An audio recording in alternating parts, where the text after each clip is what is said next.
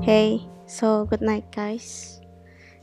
Kali ini aku bikin podcastnya malam juga. Gak tahu ya kalau nggak bikin malam-malam tuh nggak bisa soalnya rame.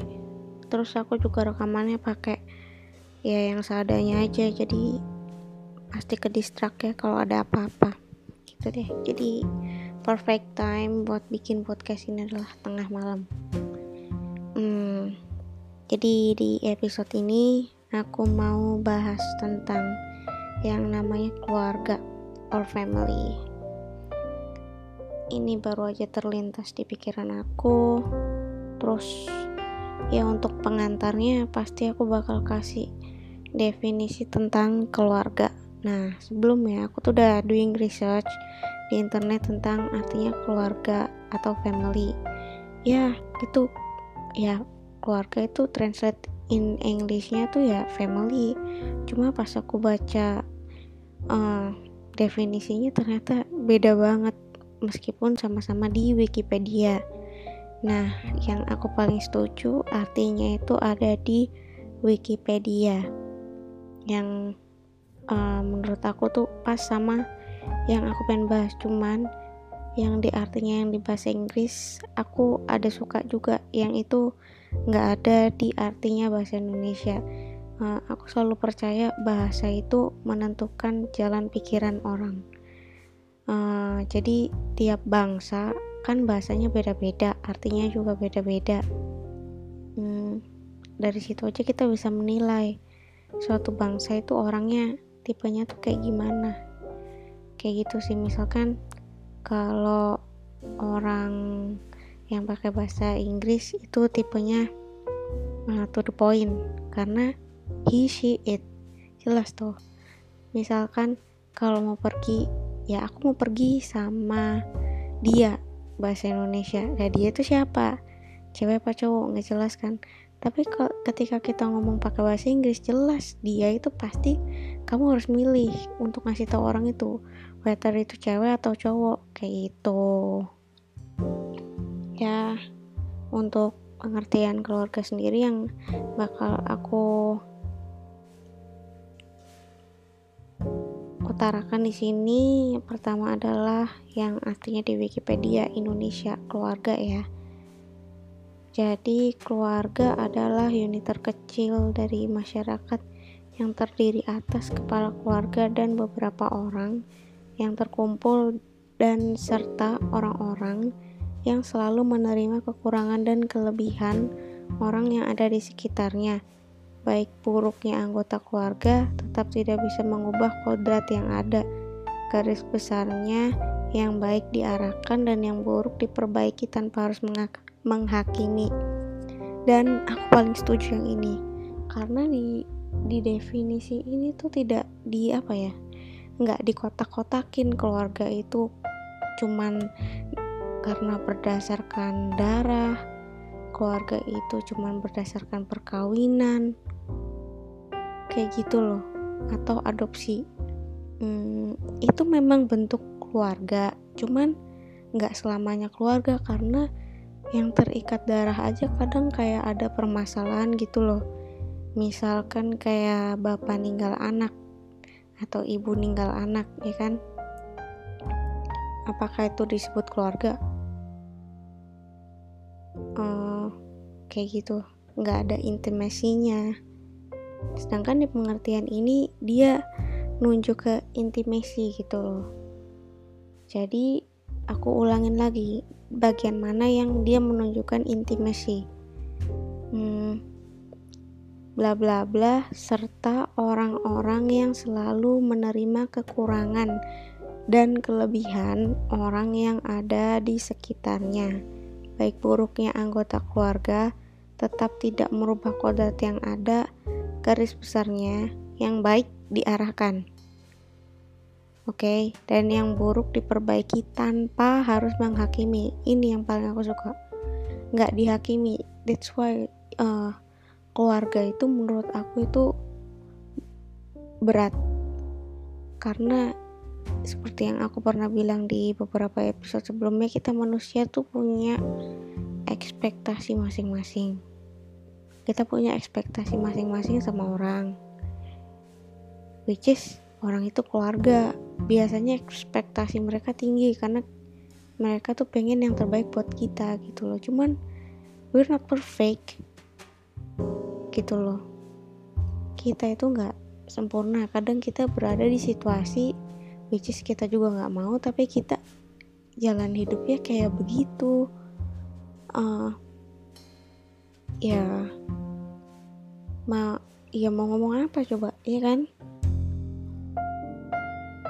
That's why ketika ada keluarga yang bisa menerima kekurangan kita bener-bener diterima pakai hati ya nggak cuma omongan doang karena itu tuh kerasa banget. Orang yang ngomong cuma pakai otak tapi nggak pakai hati gitu loh. Itu beda dan bakal kerasa banget. Dan dia tuh nggak ngehakimin gitu loh malah makin men, apa ya malah malas tetap stay di samping kita dan tetap mencintai kita sebagai kita gitu loh. Dan itu tuh rasanya nggak hmm, bisa diutarain cuma rasa bersyukurnya tuh kayak ah gila. Sambil senyum gitu doang loh. Hmm, iya bersyukur banget gitu loh. Karena balik lagi karena tendensinya tuh orang-orang tuh pengennya tuh apa ya? Punya orang tuh punya gambaran keluarga tuh yang kayak perfect gitu loh selalu perfect yang harusnya begini it's supposed to be like this. Tapi kan iya gitu ya namanya perjalanan hidup. Itu kadang bikin yang anggota keluarganya tuh bikin itu tuh nggak jadi perfect gitu loh. Hmm, misalkan ya suaminya pernah melakukan kesalahan kayak hmm, sempet selingkuh karena hilaf mungkin atau yang anaknya ngecewain orang tuanya juga karena hilaf atau si anak mengecewakan orang tuanya karena nggak sesuai ekspektasi sama orang tuanya yang inginkan gitu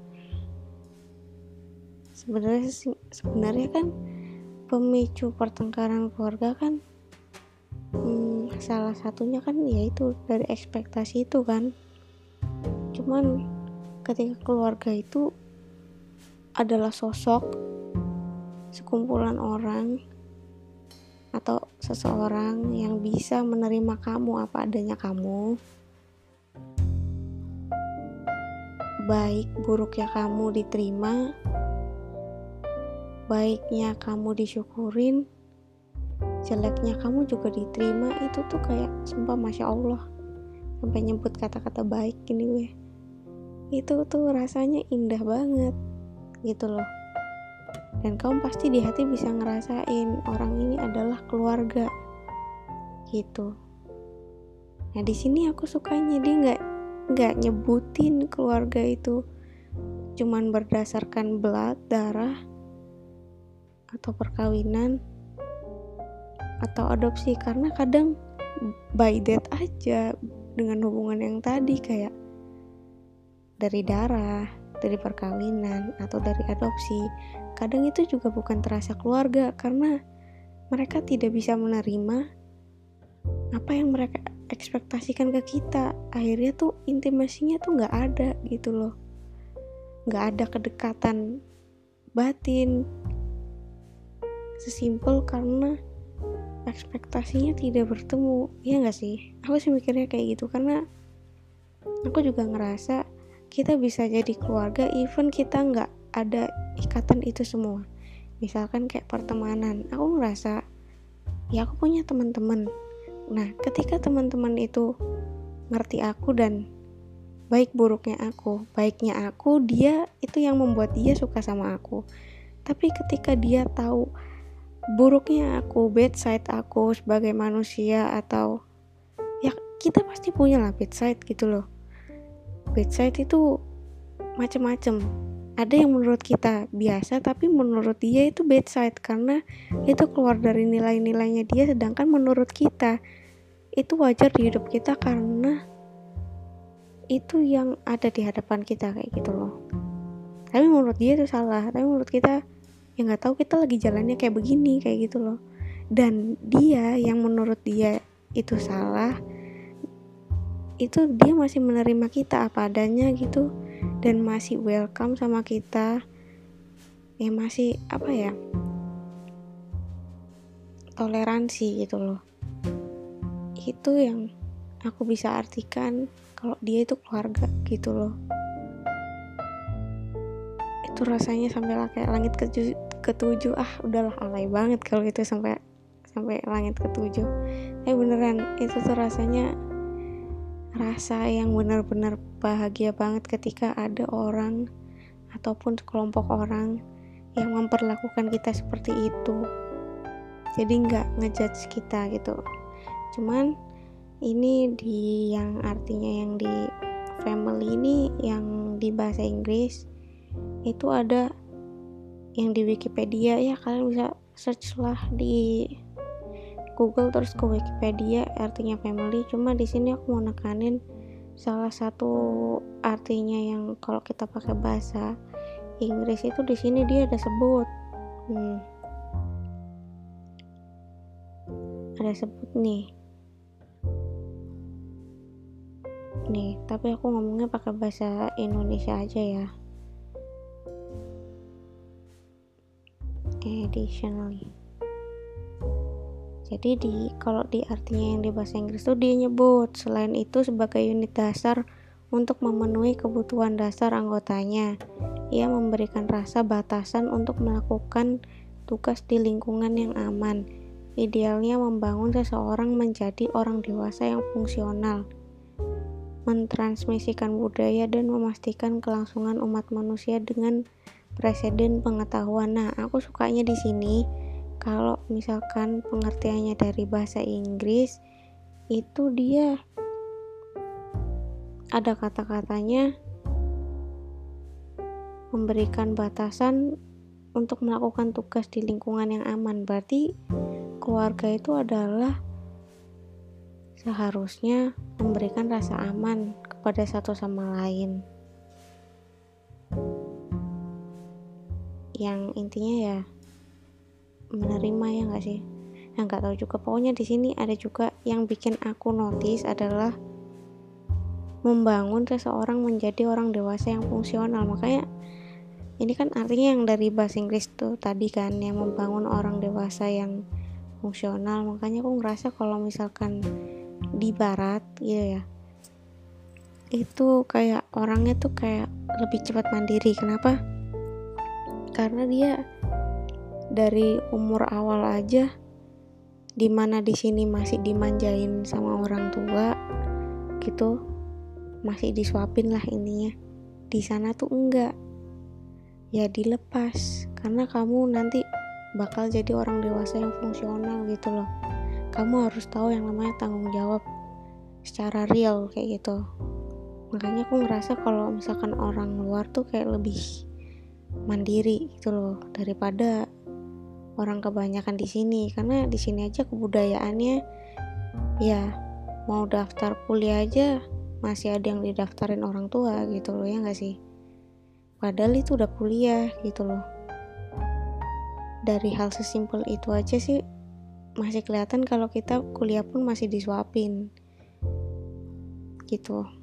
Aku ngomong kayak gini bukan berarti aku mandiri seutuhnya juga karena aku belum mandiri seutuhnya juga that's why aku bisa bilang kayak gitu. Gitu. Jadi konklusinya adalah sebentar. Udah berapa menit nih? Gue oh 14 jadi konklusinya adalah kalau buat aku yaitu keluarga itu bisa menerima kita jeleknya. Kalau baiknya kan pasti diterima jeleknya nih misalkan uh, tiba-tiba aku berubah menjadi orang yang lain. Tiba-tiba aku berubah menjadi orang yang tidak sesuai ekspektasi orang tua. Tapi kalau misalkan orang tua itu masih tetap sabar dan menerima kita sebagai anaknya itu keluarga dan itu berat gitu. That's why jadi keluarga itu berat banget. Untuk stay as a family gitu. So ketika ada orang yang stay tetap stay sama kamu atas keburukan kamu that's your family brother sister. Even teman-teman kamu yang selalu stay di samping kamu meskipun kamu marah meskipun kamu ngebetein ya setengah mati saat itu tapi dia masih tetap bertahan sama kamu dan berusaha untuk menata kembali sama kamu. Dan berusaha nggak bener-bener take itu as a personally dan menyelesaikan masalah kesalahpahaman itu kalau misalkan terjadi salah paham ya that's your family gitu loh menurut aku. That's your family. Dan yang namanya family itu yang salah satunya bikin hidup kita itu hidup. Karena kalau sendirian itu bakal terperangkap sama yang namanya kesepian. Ah karena aku pernah ngerasain ke satu kota yang which is aku nggak pernah ke sana sendirian terus tiba-tiba sendirian dan di sana tuh basically nggak ada kenalan temen even saudara. Ya literally gue di sana sendirian. Ke mana-mana sendirian atau apa. Ya asik. Tapi ketika balik ke rumah balik ke kamar anjir kayak gue ngapain? Gitu loh. Like for what is for gitu loh. Itu rasanya sepi. Dari situ aku bisa belajar. Ternyata yang membuat hidup kita berwarna itu keluarga. Ya keluarga dalam darah ya berdasarkan ikatan darah ya keluarga yang tidak terikat ikatan darah kayak teman atau apa sebenarnya mereka mereka itulah orang-orang yang membuat kita, membuat kita itu merasa hidup dalam hidup kita. Karena hidup, orang yang hidup bukan berarti hidup. Karena ada masanya ketika dia hidup, tapi dia berasa mati. Karena jiwanya nggak apa ya, ya nggak hidup, pasti bisa ngerasain lah. Kayak nggak serba nggak semangat atau kayak gimana lah kayak gitu. Ya. Yeah. thank you guys for hearing this podcast. Semoga ini berguna buat kalian good luck. Bahagia selalu. Bye